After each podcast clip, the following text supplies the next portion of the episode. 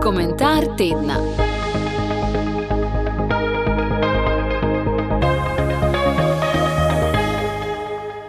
Životaril sem v zmotnem prepričanju, brškone zaradi otroških izkušenj in občega pogroma za oprozdravstvo, da nas v javni bolnici razčlovečijo, ker pacijente uniformirajo v bolniške pižame in halje, da potem lažje družno hropemo, tarnamo in smrčimo, medtem ko nas preizkujejo, merijo, zbadajo, depilirajo, polnijo s tabletami, odvajajo, asketsko hranijo in birokratsko obravnavajo brez izjem in privilegijev, ne glede na izobrazbo, naziv, položaj, funkcijo in denar.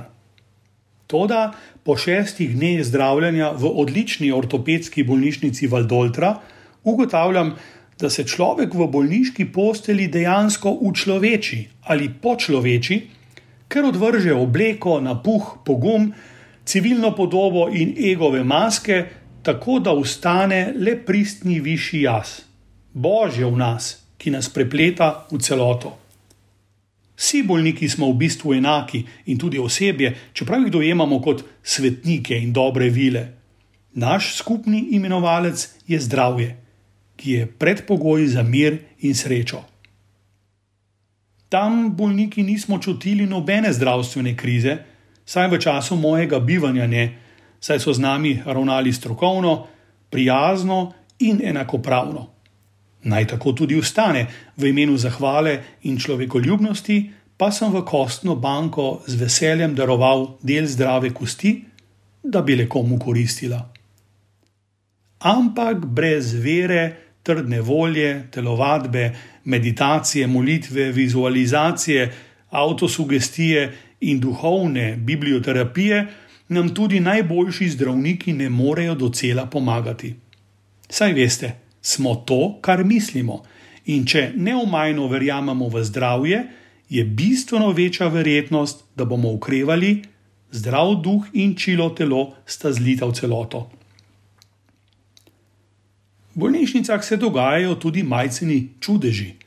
Švicarski zdravnik in psiholog Karl Jung bi jih brškone opisal kot sinhronicitete.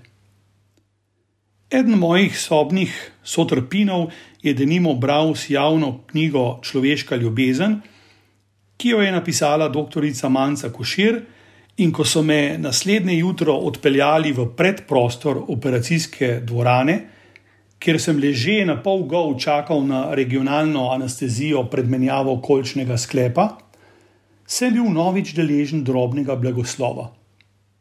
Pristopila je asistentka in mi povedala, da me ravno sinoči poslušala na posnetem literarnem večeru v družbi Mance Košir in Mojce Fatur, na kar zjutraj v službi zagleda moje ime na seznamu skorajšnjih operirancev.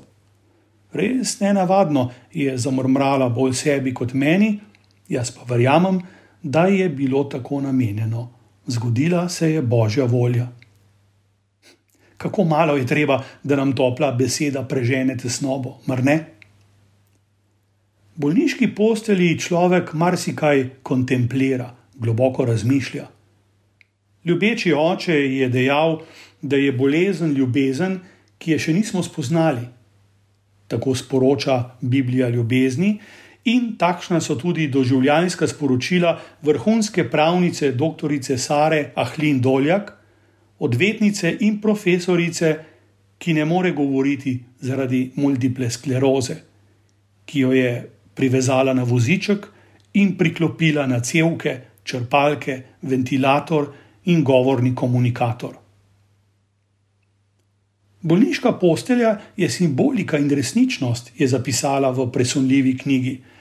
Saj nihče ne more prenašati moje bolezni na mesto mene. Materialne stvari, ki se izgubijo, je moč najti. Nečesa pa ne morem najti, ko je izgubljeno. Česa? Življenja vendar.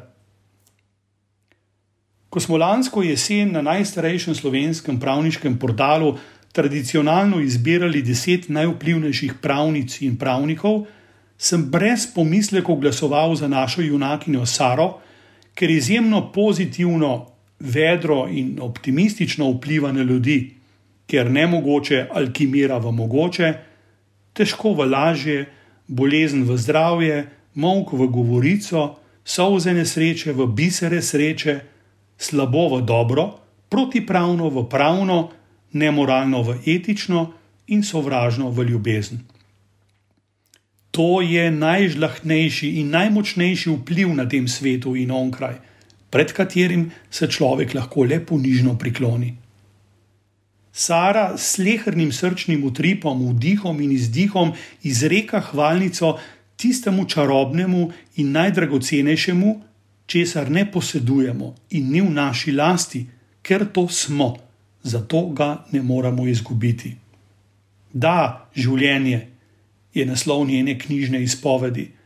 Vsak dan znova se zaradi ljubezni do stvarnika, moža, otrok, staršev in življenja odloči z velikim da, da gre v nov dan, za en dan, nič skrbi in planov na zalogo ni več pri meni.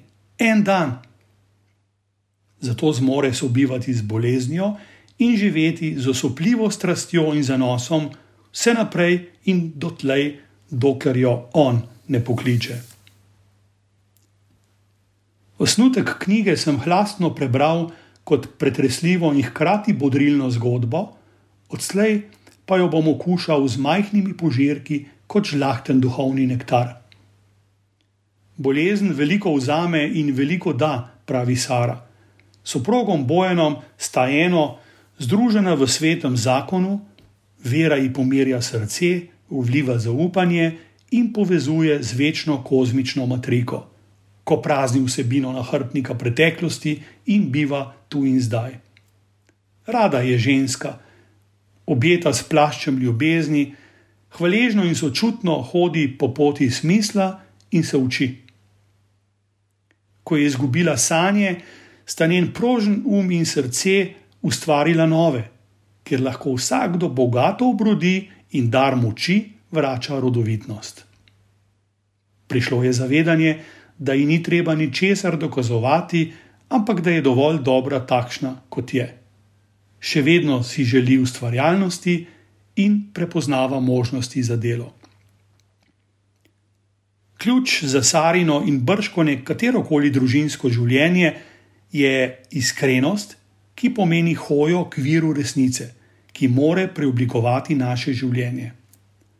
Preizkušnja nas prečiščuje, za tega del ne pozabimo, da je noč najtemnejša tik pred zarjo, preden vzide sonce.